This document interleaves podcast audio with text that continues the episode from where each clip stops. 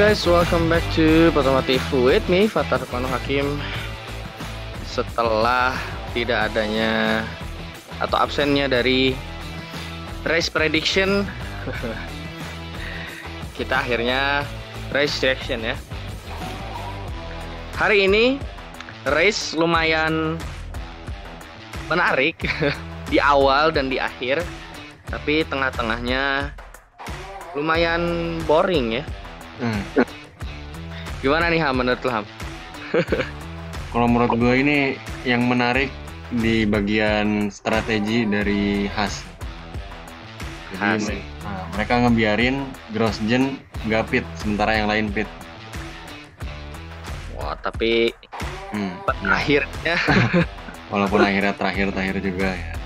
Setidaknya membuat perbedaan dari strategi. ya membuat sponsor juga lebih ke shoot Nah, sedikit. Dan Alex Albon. Kayaknya Alex Albon ini dendam sama Lewis Hamilton, tapi pelampiasannya ke Kevin Magnussen. Gimana nih menurut lo? Ya mungkin ini terlalu maksa Albonnya jadi ya. Terlalu Lihat telah sedikit langsung sabet eh, gagal malah kena penalti dia. Iya. Dan kita lihat juga ada beberapa warning yang dijatuhkan kepada Grosjean dapat dapat beberapa peringatan sampai akhirnya penalti enggak? Enggak penalti kan? Enggak, enggak penalti. Enggak dapat Black penalti. and white flag doang. Ah, black and white flag. Tapi ada masalah pada pit stopnya. Kalau nggak masalah di pit stop, dapat lah kayaknya di poinnya. Top 10 lah minimal. Iya top 10. Dan kita lihat juga pada akhir-akhir balapan ini ada sedikit insiden yang membuat balapan ini prediksiin awalnya Carlos Sainz bisa dapat podium. Kalau misalkan Lewis Hamilton itu pit. Hmm. Soalnya aduh nggak tahu apa ya nggak tahu prediksi dari Pirelli yang salah atau emang tire degradation di track ini lumayan tinggi gara-gara suhunya tapi ini ada tiga pembalap yang meledak bannya menurut lu gimana nih Ham?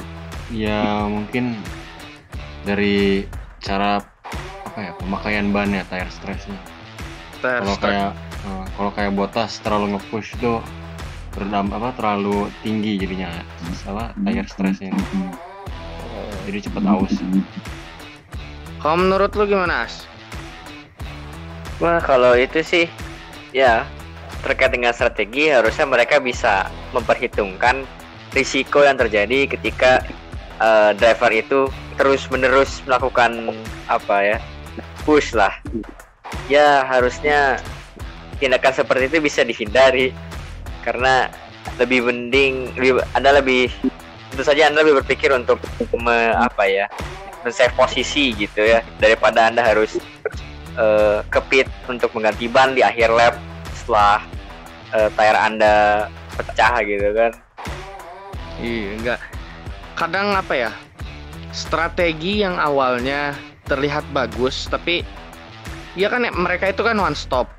Menurut gue sih emang paling cepat dan paling efisien itu one stop, tapi one stopnya ini terlalu di stretch stinnya, terlalu dipanjang-panjangin stinnya, jadi limit dari ban ini terlalu di di push apa ya di di Paksakan. paksakan ya dipaksakan sama tim strateginya Ya, jadi kayak gitulah pada akhirnya. Oke ini juga ada hal menarik di awal race yaitu ini ke Hulkenberg yang asalnya mau start dari pit lane tapi akhirnya nggak bisa. Di starter mobilnya nggak tahu kenapa. Dan akhirnya gak bisa race. Padahal ini itu man on the mission ya. Dia ini. dari hari Kamis ini udah ditelepon sama Lawrence Stroll. Hari Jumat eh, bukan hari Jumat hari Kamisnya itu udah nyampe di kantornya Racing Point dari Jerman. Hari Jumatnya kita lihat dia udah praktis. Sangat sangat mengecewakan untuk Nico Hulkenberg. Menurut lo gimana nih As? Waduh, itu kejadian yang sangat uh, tidak kami harapkan karena ya dengan hilangnya Hulkenberg dari grid di hari balapan ini itu jadi kurang menghiasi panggung atas. Karena uh, ekspektasinya uh, eh, RP ini akan bisa battle di top 5 atau mungkin top 10 gitu ya battle dengan aktif rupanya. Bayangkan jika ada Hulkenberg yang battle bersama Stroll di sana gitu. Mungkin itu akan lebih lebih menarik gitu iya. Dan Racing Point ini sebenarnya kapabilitasnya ini ada di kalau menurut gue ya menurut gue ini ada di top 3 bisa nyalip-nyalip Red Bull. Tapi karena settingannya kurang pas Lance Stroll ini nggak bisa mengeluarkan potensi mobilnya dengan maksimal. Kalau menurut lu gimana nih Ham? Ya mungkin settingan yang ada di mobil Stroll ini kurang cocok saat berada di race ini. Karena kalau menurut gua kalau gua lihat nih Stroll di saat di kualifikasinya tuh bagus gitu walaupun berada di posisi 5 atau 6 ya. ya Jadi seharusnya bisa lebih baik lagi di start kayak di race-nya ini. Dan ya itu tadi Laur eh Lance Stroll ini sempet kena black and white flag juga kan karena ngeblok Daniel Ricciardo kok nggak salah. Kalau menurut Oh iya, Ricciardo. Iya, dan pertama.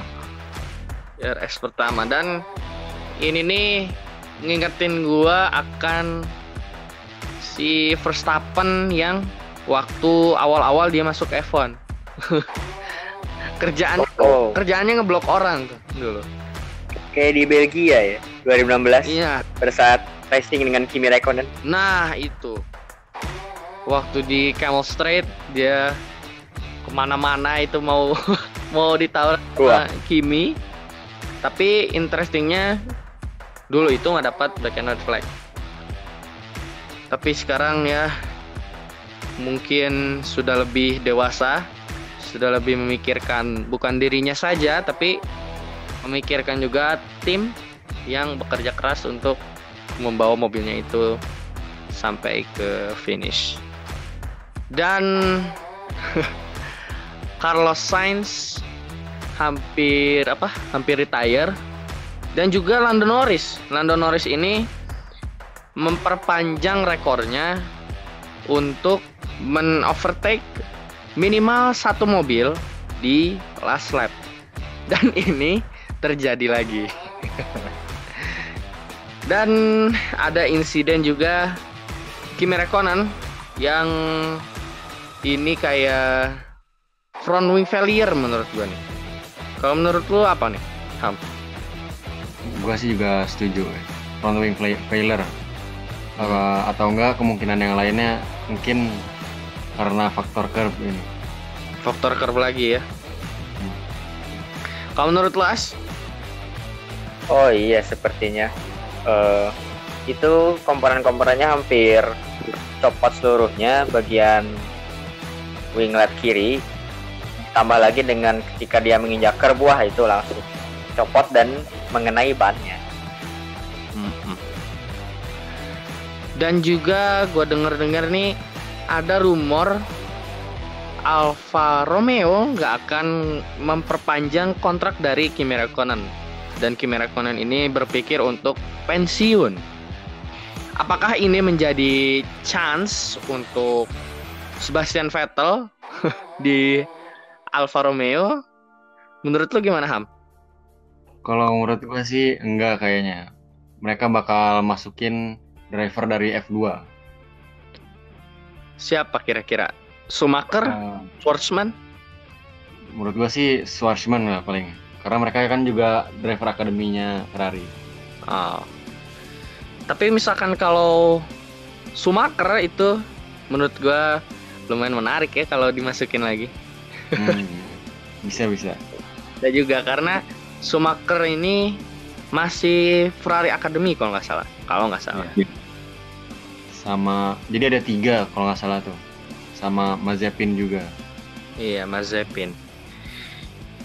Dan ada insiden di lap-lap awal yaitu Dani Kvyat yang spin gak tau kenapa ada di curb kayaknya terlalu banyak nginjek curb atau gimana tapi dia spinnya aduh lumayan ini juga langsung nabrak wall kira-kira 20 G itu kalau menurut lo ini insidennya nih karena apa karena curb kah atau tire pressure kah atau di tire temperature yang belum optimal.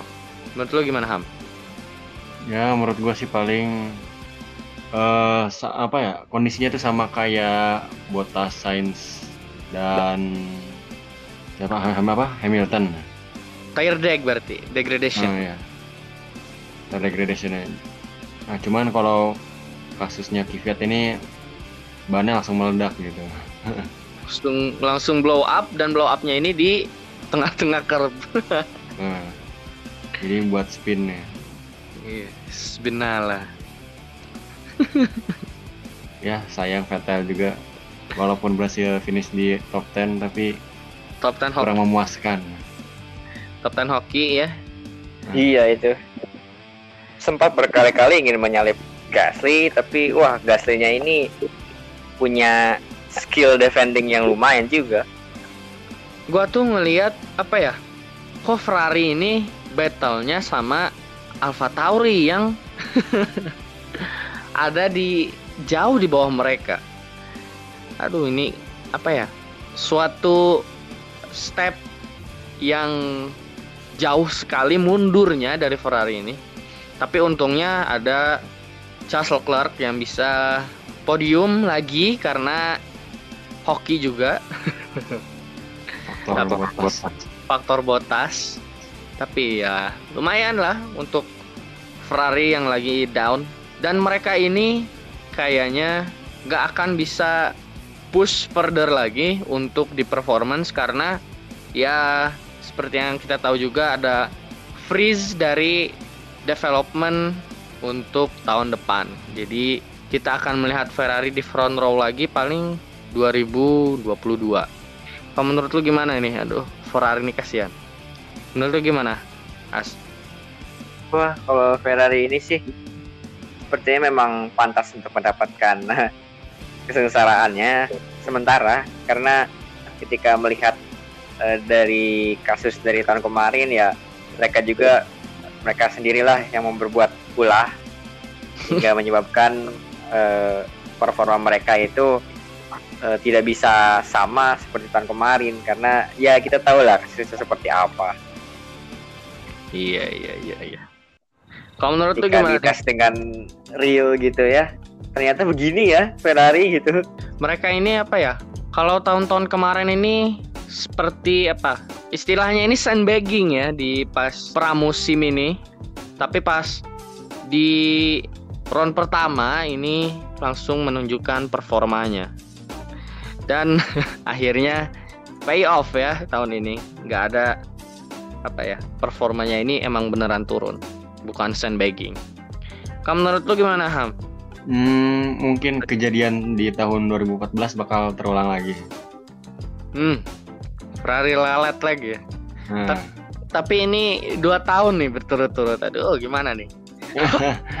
itu ya mungkin paling gimana ya harus lebih bekerja keras di bagian sasisnya ini bagian sasis dan mesin ya karena karena aerodinamika ini kalau yang gue lihat emang Mattia Binotto ini emang jagonya di aerodinamik ini Mattia Binotto hmm. ya seperti itu race yang berjalan dramatis di akhir dan di awal tapi di tengah-tengah lumayan bosen juga.